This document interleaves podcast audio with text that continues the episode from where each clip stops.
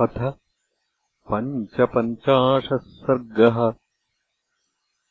यमुनातरणम्। उषित्वा रजनीम् तत्र राजपुत्रावरिन्दमौ। महर्षिमभिवाद्याथ जग्मतुस्तम् गिरिम् प्रति।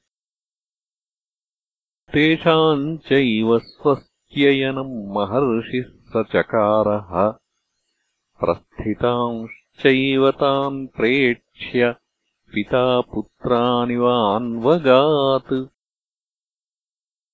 ततः प्रचक्रमे वक्तुम् वचनम् स महामुनिः भरद्वाजो महातेजारामम् सत्यपराक्रमम्। गङ्गायमुनयोः सन्धिम् आसाद्यमनुजर्षभौ काळिन्दीमनुगच्छेताम् नदीम् पश्चान्मुखाश्रिताम्। अथासाद्यतु काळिन्दीम् शीघ्रस्रोतसमापगाम्। तस्यास्तीर्थम् प्रचरितम् पुराणम् प्रेक्ष्य राघवौ तत्र यूयम् प्लवम् कृत्वा तरताम् शुमतीम् नदीम्। ततोऽन्यग्रोधमासाद्य महान्तम् हरितच्छदम्। विवृद्धम् बहुभिर्वृक्षैः श्यामम् सिद्धोपसेवितम्। तस्मै सीताञ्जलिम् कृत्वा प्रयुञ्जीताशिषः शिवाः समासाद्यतु तम् वृक्षम् वसेद्वातिक्रमेत वा क्रोशमात्रम् ततो गत्वा नीलम् द्रक्ष्यथ काननम्। पलाशबदरीमिश्रम् रम्यम् वंशैश्च यामुनैः सपन्थाश्चित्रकूटस्य गतः सुबहुशो मया। रम्यो मार्दवयुक्तश्च वनदावैर्विवर्जितः। इति पन्थानमावेद्य महर्षिः सन्न्यवर्तत। अभिवाद्य तथेत्युक्त्वा रामेण विनिवर्त उपावृत्ते मुनौ तस्मिन् रामो लक्ष्मणमब्रवीत्। कृतपुण्याः स्म सौमित्रे मुनिर्यन्नोऽनुकम्पते इति तौ पुरुषव्याघ्रौ मन्त्रयित्वा मनस्विनौ। सीतामेवाग्रतः कृत्वा काळिन्दीम् जग्मतुर्नदीम्। अथासाद्यतु काळिन्दीम् शीघ्रस्रोतो वहाम् नदीम्। चिन्तामापेदिरे सर्वे नदीजलतितीर्षवः तौ काष्ठसङ्घाटमथो चक्रतुः सुमहाप्लवम् शुष्कैर्वंशैः समास्तीर्णम्। उशीरैश्च समावृतम्। ततो वेतसशाखाश्च जम्बूशाखाश्च वीर्यवान्। चकार लक्ष्मणश्छित्त्वा सीतायाः सुखमासनम्।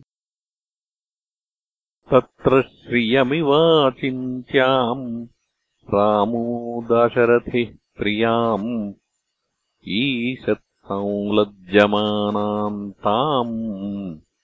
अध्यारोपयतप्लवम्। पार्श्वे च तत्र वैदेह्यावसने भूषणानि च प्लवे कठिनकाजम् च रामश्च चक्रे सहायुधैः।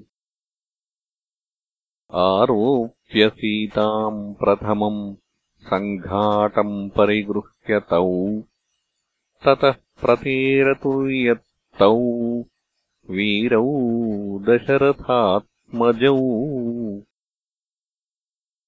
काळिन्दी मध्यमायाता सीतात्वेनामवन्दत स्वस्ति देवि तरामि त्वाम् पारयेन्मे पतिर्व्रतम् यक्ष्ये त्वाम् गोसहस्रेण सुराघटशतेन च। स्वस्ति प्रत्यागते रामे पुरीम् इक्ष्वाकुपालिताम् काळिन्दीमथ सीता तु याचमाना कृताञ्जलिः तीरमेवाभिसम्प्राप्ता दक्षिणम् वरवर्णिनी। ततः प्लवेनांशुमतीम् शीघ्रगामूर्मिमालिनीम् तीरजैर्बहुभिर्वृक्षैः सन्तेरुः यमुनाम् नदीम्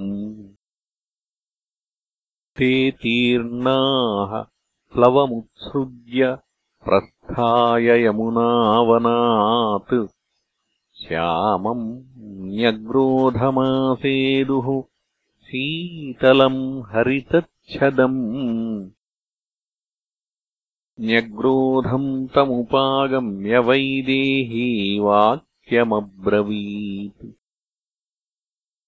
नमस्तेऽस्तु महावृक्ष पारयेन्मे पतिर्व्रतम्। कौसल्याम् चैव पश्येयम् सुमित्राम् च यशस्विनीम्। इति सीताञ्जलिम् कृत्वा पर्यगच्छद्वनस्पतिम्। अवलोक्य ततः सीताम् आयाचन्तीमनिन्दिताम् दयिताम् च विधेयाम् च रामो लक्ष्मणमब्रवीत्। सीतामादाय गच्छत्वम् अग्रतो भरताग्रज पृष्ठतो हङ्गमिष्यामि सायुधो द्विपदाम् वर यद्यत्फलम् प्रार्थयते पुष्पम् वा जनकात्मजा। तत्तत्प्रदद्या वैदेह्या यत्रास्त्यारमते मनः। गच्छतो स्तुतयोर्मध्ये बभूव जनकात्मजा। मातङ्गयोर्मध्यगता शुभा नागवधूरिव एकैकम् पादपङ्गुल्मम् लताम् वा पुष्पशालिनीम् अदृष्टपूर्वाम् पश्यन्ती रामम् पप्रच्छ बला रमणीयान् बहुविधान् पादपान् कुसुमोत्कटान् सीतावचनसंरब्ध आनयामास लक्ष्मणः। विचित्रवालुकजलाम् हंससारसनादिताम् प्रेमे जनकराजस्य तदा प्रेक्ष्य सुता नदीम् क्रोशमात्रम् ततो गत्वा भ्रातरौ रामलक्ष्मणौ बहून्मेध्यान् मृगान् हृत्वा चेरतुर्यमुनावने विहृत्यते बर्हिणपूगनादिते शुभे वने वानरवारणायुते।